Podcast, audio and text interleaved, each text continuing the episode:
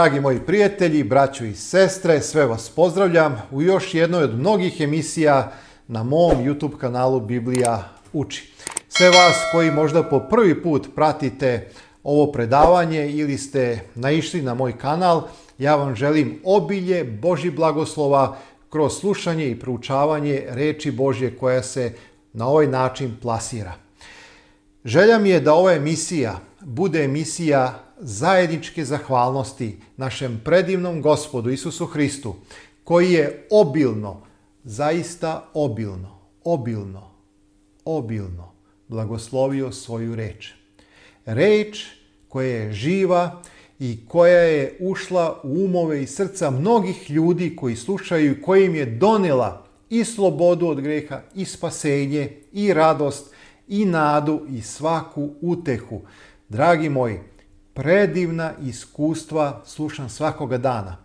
Predivne, ohrabrujuće poruke dobijam.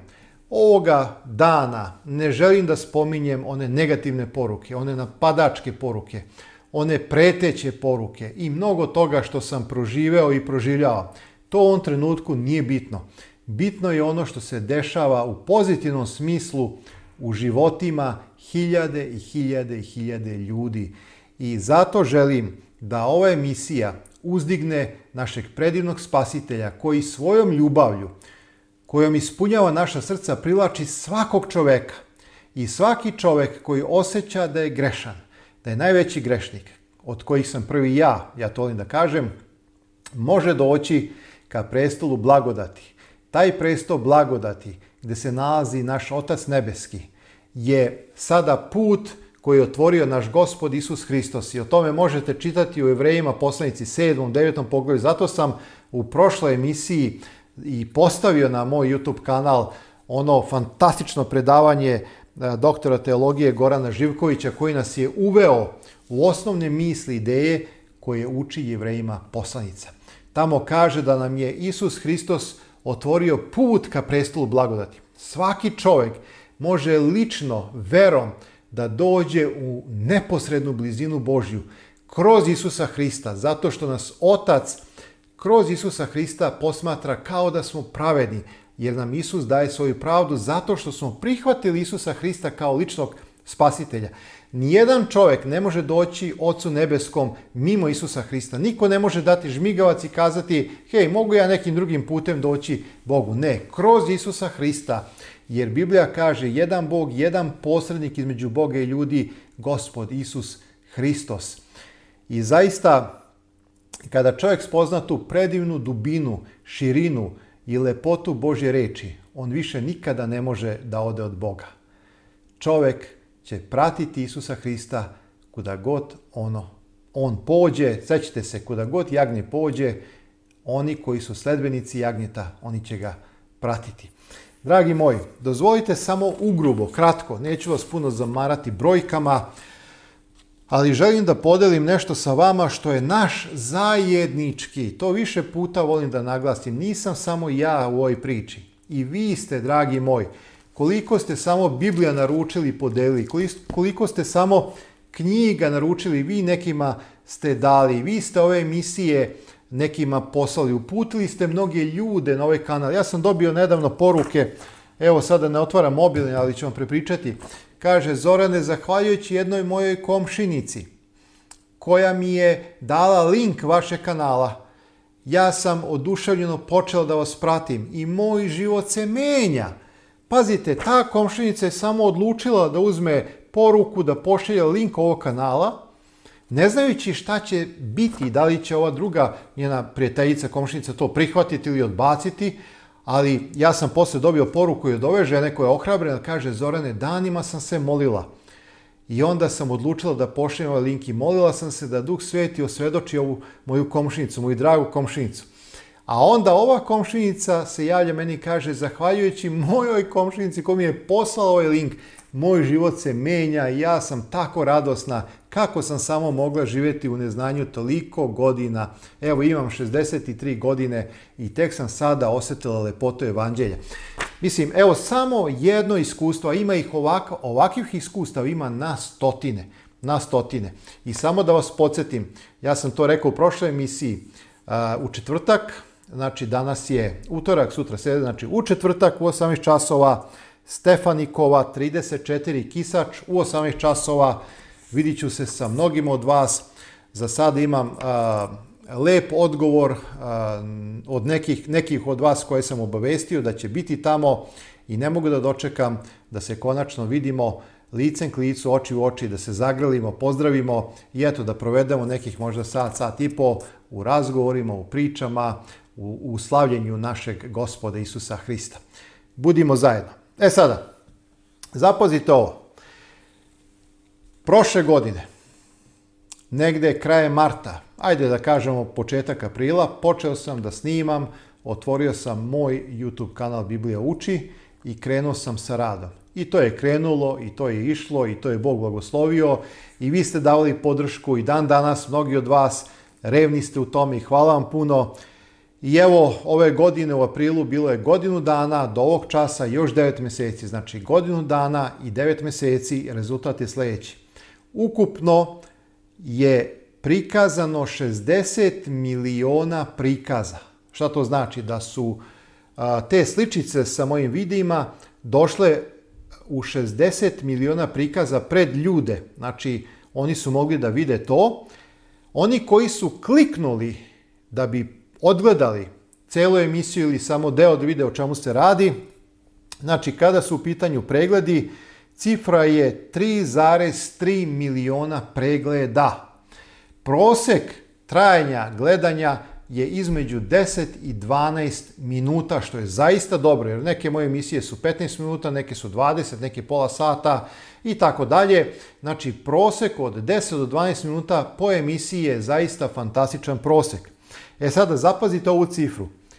560.000 sati gledanja ukupno od početka do ovoga trenutka danas. Kada je u pitanju onaj fenomen koji sam rekao u snu da sam sanjao i Bog je obećao da reči neće nedostajati, zaista na jedan čudan, nevratan način Bog dira vaša srca, hvala vam puno. Evo ja i dan danas delim preko mog YouTube kanala i ovo sada ponovo ponavljam za vas koji ste možda tek došli na moj kanal da znate. Znači, YouTube kanal Biblija uči, zahvaljujući pomoći mnogih od vas, deli besplatno reč Božju, imam prevod Karadžić Daničić i latinično i ćirilično izdanje, novi a, srpski prevod, naručio sam još hiljadu komada i ovih dana očekujem da preuzem negde oko 250-300 a, primjeraka malo većeg formata za one ljude koji slabije vide. Znači, na, naručio sam veći format da budu veća slova, ali isto novi srpski prevod latinica, dragi moj, Bog blagosilja. Zatim knjigu koju sam odštampao, 42 osnovne istine i sve druge knjige koje ćete naći na kraju svake emisije. Sve je besplatno, zahvaljujući vašoj podršci i zato zajedno ovu zahvalnost dajemo gospodu. Ne samo ja u moje ime, nego ja to radim u vaše ime. Hvala vam puno. Znači, ova emisija je emisija zahvalnosti. Znači, 6300 Biblija grubo, znači 100 cifra 100 Biblija gore dole ne mogu tačno, zaista je veliki posao da se tačno u Bibliju da cifra, ali ono što je grubo jeste oko 6300 Biblija je podeljeno do sada i preko 7000 knjiga. Ljudi moji, kada, kada vi to, pa to ne može ovu prostoriju ni sve da stane kad bi sada to sve ređali. To je odlazilo, odlazilo. Svaki dan se naručuje, svaki dan moja supruga priprema, svaki dan se u knjižari to pakuje i svaki dan poštar nosi I to ide, ide, ide.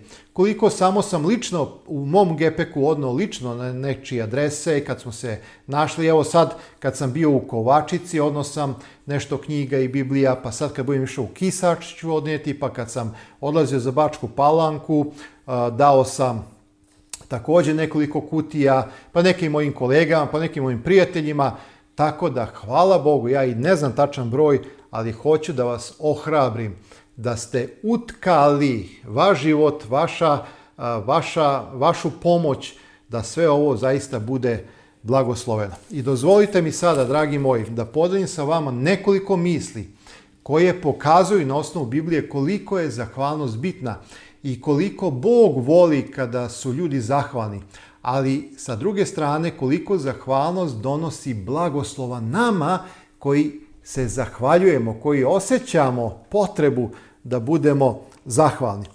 Osnovni stih na kojem gradimo ovo kratko razmišljanje nalazi se u prvoj Solunjanima, peto poglavlje, 18. stih. Ja ću kasnije iz Solunjanima poslednice druge, iz prvog poglavlja pročitati nekoliko bitnih stvari koje su bitne za nas danas koji se borimo, bijemo bitke gospodnje, koji doživljamo razne nepravde, koji doživljamo određenu muku u tom našem hrišćanskom životu zbog Hrista patimo često, bivamo vređani, proganjani na neki način i tako dalje.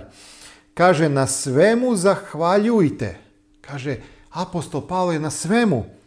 Jer je ovo volja Božja za vas u Isusu Hristu.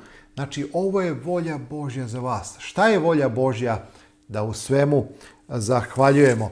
Naime, jedan autor kaže, ako rasteš u blagoslovima, a ne rasteš u zahvalnosti. Ostaješ nesretan i bez radosti. I ovo je tako velika istina. Možda ste imali prilike da vidite ljude koji leže na bogatstvu, koji su izuzetno bogati, imaju sve što im srce može poželjeti, mogu da kupe malte ne šta god hoće, pa su opet nesrećni, nezadovoljni i besni. A vi koji možda nemate ni nokat od toga, i koji pomišljate samo kada bi imao možda 1% od onoga što neko ima, ja bi bio srećan i tako dalje. I onda se čudite kako su neki ljudi tako nesrećni, nezadovoljni, besni i stalno gunđaju, a imaju toliko toga. Evo, zato što se ovo dešava. Ako rasteš u blagoslovu, znači ako rasteš u raznom bogatstvu i tako dalje, a ne rasteš u zahvalnosti, ostaješ nesretan i bez radosti. I dozvolite mi samo da ovdje uzmem primer malog deteta, kome razum još nije sazreo. I kad odete na rođendan i vidite da su i drugi doneli neke poklone nekom malom detetu, onda posle pola sata vidite kako je sve to izlomljeno, razbijeno, uništeno.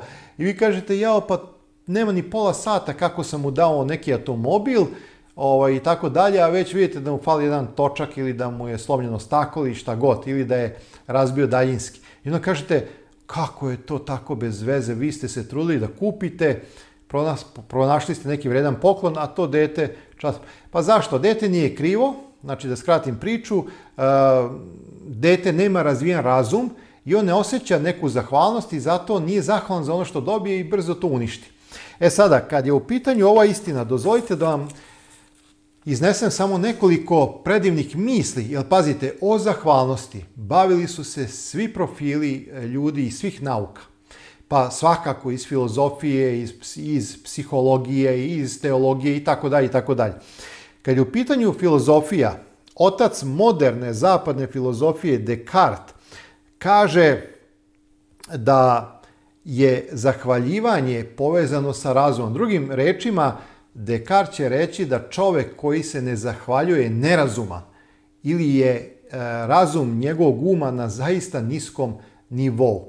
Znači, ako si zahvalan i ako se zahvaljuješ, Descartes će reći da si zaista razuman čovek. Kada je u pitanju Spinoza, on je izjednačio zahvaljivanje i zahvalnost sa strašću ili nastojanjem prema nekome kome želimo učiniti nešto dobro kao da želimo da ga častimo. Drugim rečima, Spinoza kaže kada si zahvalan nekome, ti si ga u stvari počastio, kao da si ga častio. Kad je u pitanju Hume, on kaže da je svaki kriminal ljudske vrste bolji od nezahvalnosti. Drugim rečima, nezahvalnost je po Hume-u nešto najgore.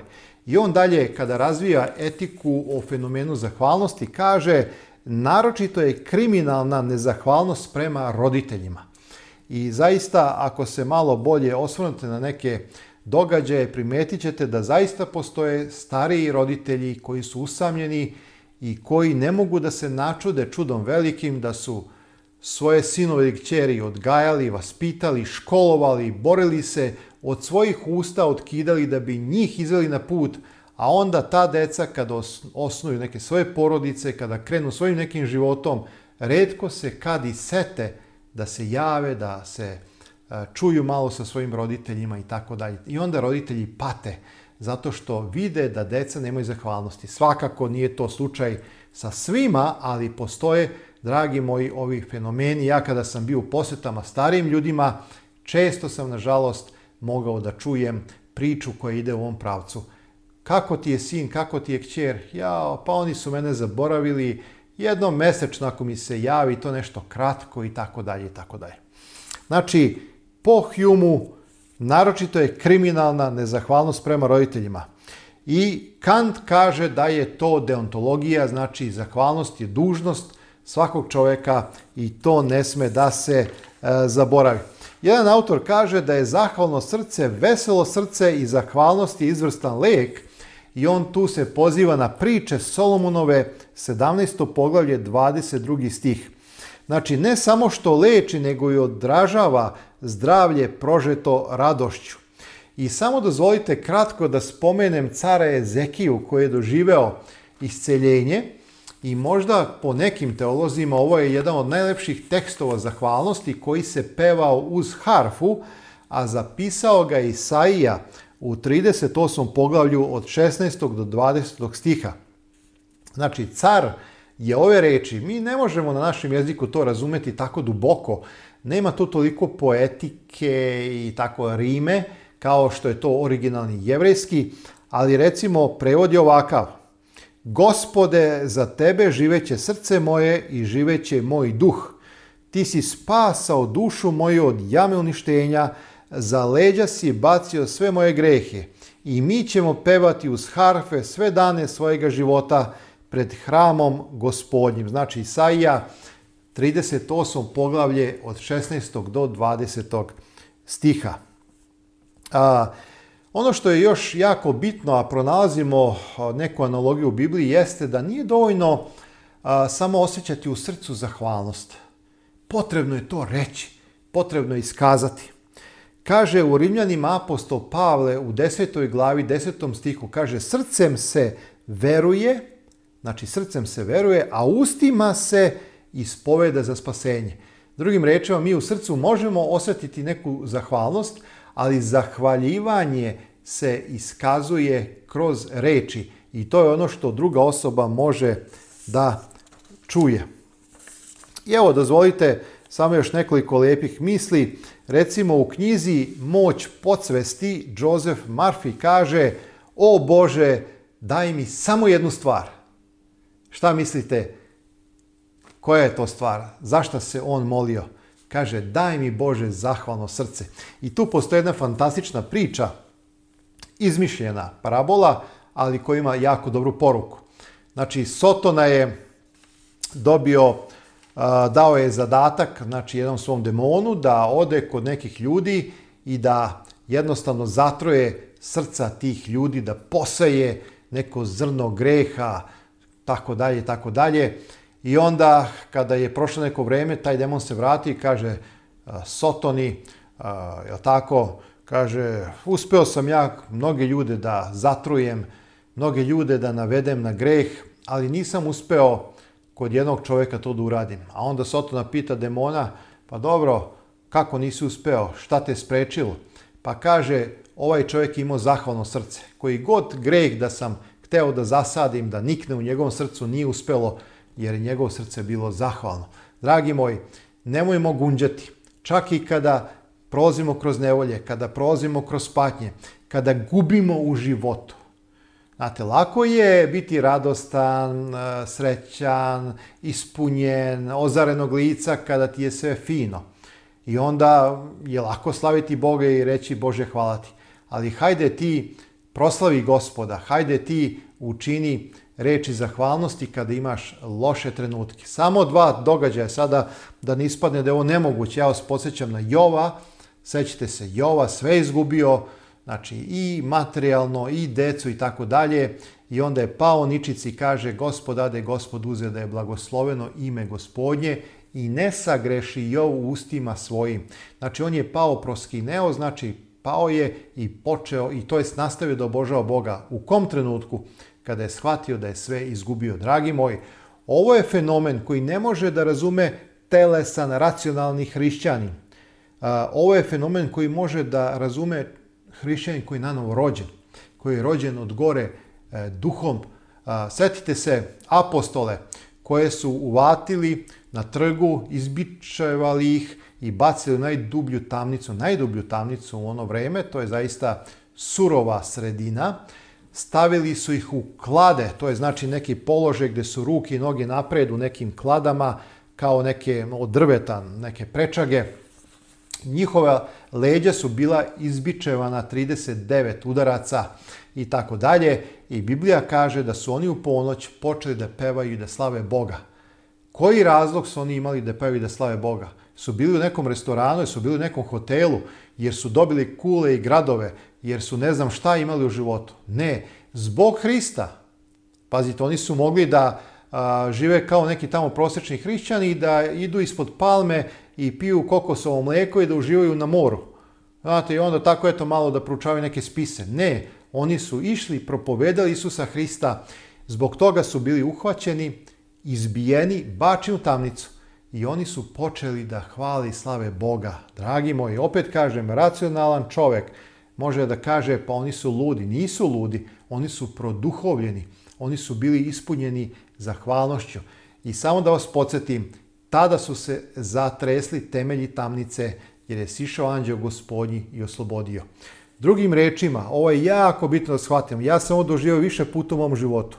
Kada u nevolji zavapiš ka Bogu i kada počneš da slaviš njegovo sveto ime, tada će se desiti čuda koje će te ostaviti bez teksta. Bićeš samo začuđen kako Bog silno deluje. Ali ako u nevoljama počneš da gunđaš i da huliš, čak i na Boga, ne daj Bože, zbog tog nekog besa i agonije, nemoj očekivati neko čudo, nemoj očekivati da će se bilo šta desiti.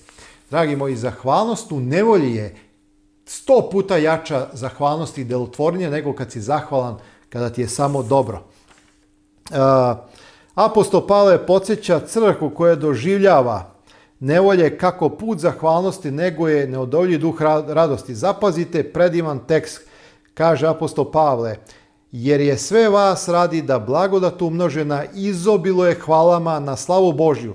Zato nam se ne dosađuje ako se naš spojašnji čovjek i raspada, ali se unutrašnji obnavlja svaki dan.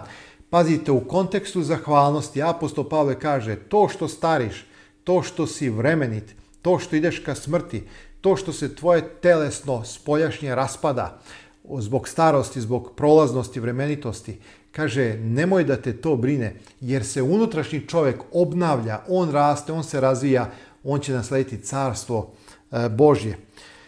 Samo da vas podsjetim kakav Bog ima stav prema zahvalnosti i šta on očekuje od tebe i mene. A to razumemo na osnovu života Isusa Hrista, jer život Isusa Hrista, njegovo učenje, njegova dela otkrivaju šta je Božja volja – Luka 17 od 12 do 18 kaže da je Isus jednog dana hodao granicom između Judeje i Samarije. Znači Luka 17. poglavlje od 12 do 18 stiha neću čitati ceo tekst, ali ću samo kazati najbitnije misli.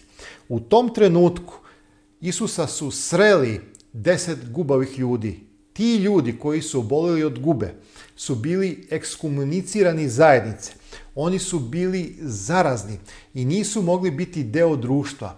Bili su otuđeni od svojih porodice, od svojih najmilih, od svojih supruga, dece, da ne bi i njih zarazili i živeli su u nekim enklavama. I sada ovih deset gubavaca kada su čuli da Isus prolazi tim putem, istrčali su pred njega mogu da zamislim kako su izgledali. Guba je jedna strašna bolest. Znači, oni nisu imali glavobolju, oni nisu imali bol u zubu, oni nisu uganuli nogu, oni nisu imali čir na stomaku, oni nisu, razumete, neku e, prolaznu neku bolest i tako nešto. Oni su se živi raspadali, smrdeli su. Oni su mogli da nagaze na, na staklo, na ekser i ne bi osetili bol jer njihovi živci su bili mrtvi. Zaista teška bolest. Živ si, a raspadaš se i smrdiš. To je strašno bilo. I ljudi sa takvom bolešću dolaze kod Isusa Hrista, mole ga da ih Isus isceli. Isus ih je iscelio dok su oni odlazili. I Biblija kaže da se od tih desetoro ljudi vratio samo jedan. Ovo je ono što nikada ne smemo zaboraviti, dragi moji. Značajno pitanje koje Isus postavlja jeste gde su dakle devetorica? Gde su? gde su ljudi koji su doživjeli seljenje da odaju zahvalnost i čast. Zašto se vratio samo jedan? Ovo je, dragi moji, surova realnost. Ako odemo dublje u razmišljanju o ovome tekstu, znači mi ćemo shvatiti da je Bog dao sva bogatstva neba da otkupi čoveka, pa su ipak mnogi ljudi ravnodušni. Evo, ja se čudim kako ovih devet gubovaca se nije vratilo, Ali zašto to da nas čudi kada pogledate koliko ljudi ne želi da dođe Bogu, ne želi da dođe svome spasitelju i da prime besplatni dar isceljenja, spasenja u Isusu Hristu. Gde su dakle ljudi ovoga sveta? Zašto više vole da gledaju farmu? Zašto više vole da gledaju zadrugu? Zašto više vole da gledaju pucačine? I ko zna šta o ovome svetu? Zašto više ljude ispunjava greh i tamo ovoga greha. Šta je to tako slatko u grehu? Pa ljudi neće da ga ostave. Umesto da ostavi da dođu Bogu i da dožive isceljenje, da dožive metanoju, da dožive promenu uma. Dragi moji, pozovite ljude dok ima vremena milosti da dođu Hristu i da prime dar isceljenja i da ne budu više po znacima navoda duhovno gubavi, nego da budu zdravi, i pravi u Isusu Hristu. George Meredith kaže, zahvalnost je memorija srca. Nikada nemoj zaboraviti da budeš zahvalan. Onog jutra kad ustaneš, sledećeg jutra, samim tim što si ustao, što si na nogama, što ćeš moći otići do radnje na posao ili bilo gde, što ćeš moći nešto skuvati za decu, unučadi, što ćeš moći popraviti nešto i izraditi neki novac. Budi zahvalan, jer znaj da su mnogi u posteljama, da su mnogi po bolnicama, da su mnogi u patnjama, da su mnogi u zatvorima, da su mnogi u mnogo gorem položaju nego što si ti. Budi zahvalan za svaki dan svoga života. I evo, završit ću s jednim istinitim događajem. Na jednom koleđu koji je skup studirala je jedna siromašna devojka zato što su roditelji bukvalno dali sve, čak su jedan deo imanja prodali i uplatili su školarinu da bi njihova čerka mogla studirati. U jednom trenutku na polovini svog školovanja ta devojka saznaje da je njen otac teško bolestan od kancera i da su doktori rekli da ima najviše sedam dana života. Ona je osjećala neverovatnu zahvalnost a, prema njenim roditeljima zato što su podneli veliku žrtvu da bi ona mogla sutra ima, sut, da bi ona mogla imati sutra bolji život.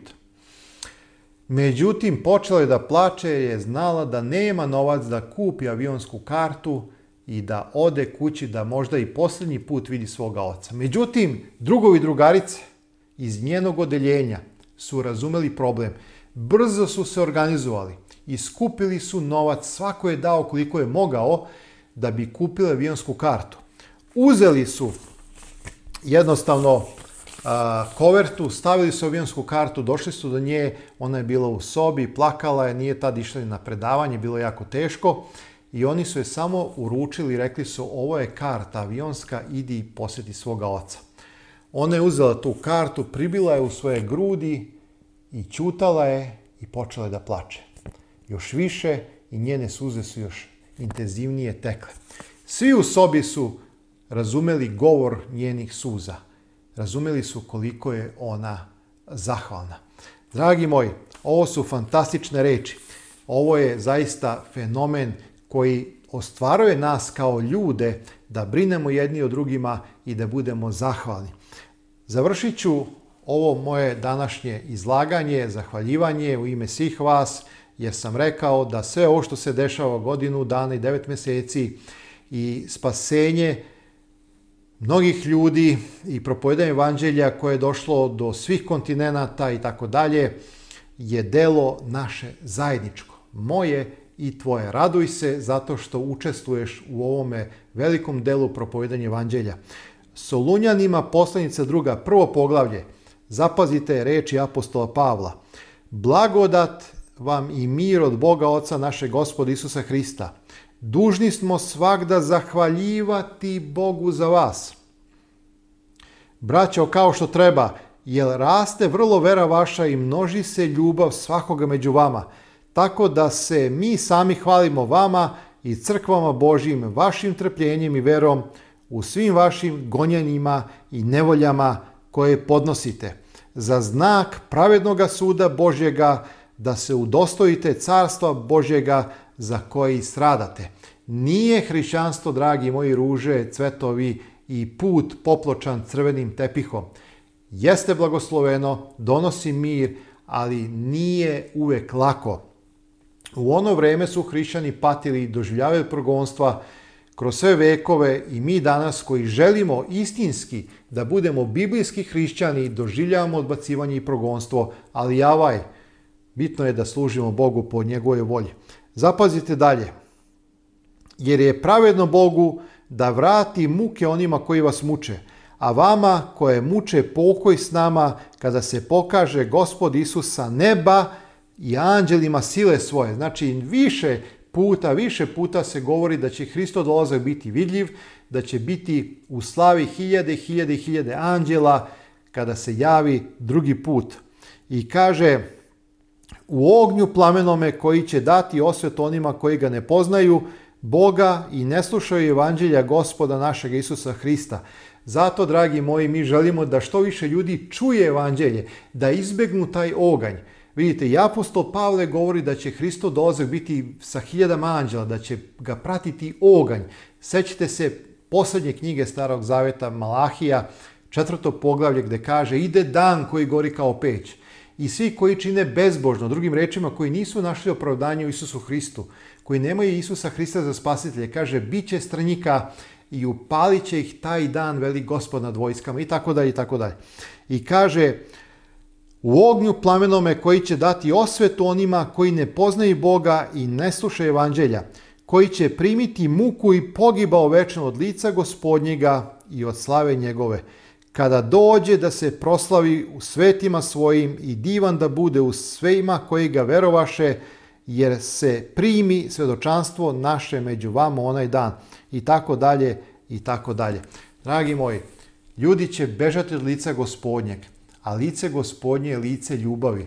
I dan danas naš milostivi spasitelj duhom svojim poziva mnoge ljude da mu priđu.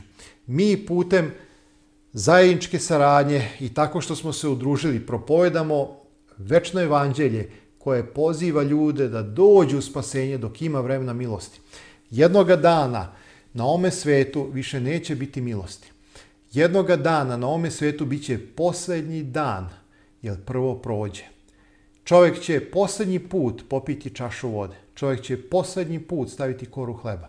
Čovek će poslednji put zagledati sina ili kćer čovek će poslednji put na ome svetu, u onaj dan kada se pojavi naš gospod novocima slave, možda nekoga zagrliti ili kazati neku lepu ili nažalost ružnu reč.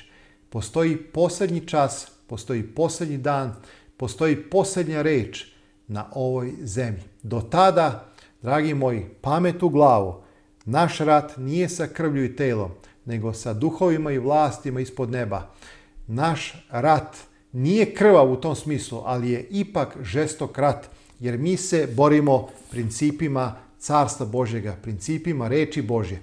Blago onima koji mir grade, jer će se sinovi Božji nazvati. Mi smo pozvani da gradimo mir, da pozivamo ljude da žive u miru i da proslavljaju svoga spasitelja. Hajde da nastavimo dalje. Ja verujem, duboko verujem na osnovu mog osvjedočenja, verujem da to dolazi duha Božjega, da će sledeća godina biti još plodonosnija i da će Bog blagosloviti propovedanje putem ovog kanala i da će još hiljade i hiljade doći u spasenje, zahvaljujući reči Božjoj koja nosi silu u sebi da menja ljudski život. Svakom dobro želim. Neka vas, dragi Bog, blagoslovi. Neka učini da zaista budete radosni i srećni i snažni u Isusu Hristu, bez obzira da li u jednom trenutku naših života dobijamo ili gubimo. Ostanimo u Isusu Hristu. Vidimo se uskoro u nekoj od novih emisija, a do tada svakom dobro želim. Veliki pozdrav iz mog srca. Amin.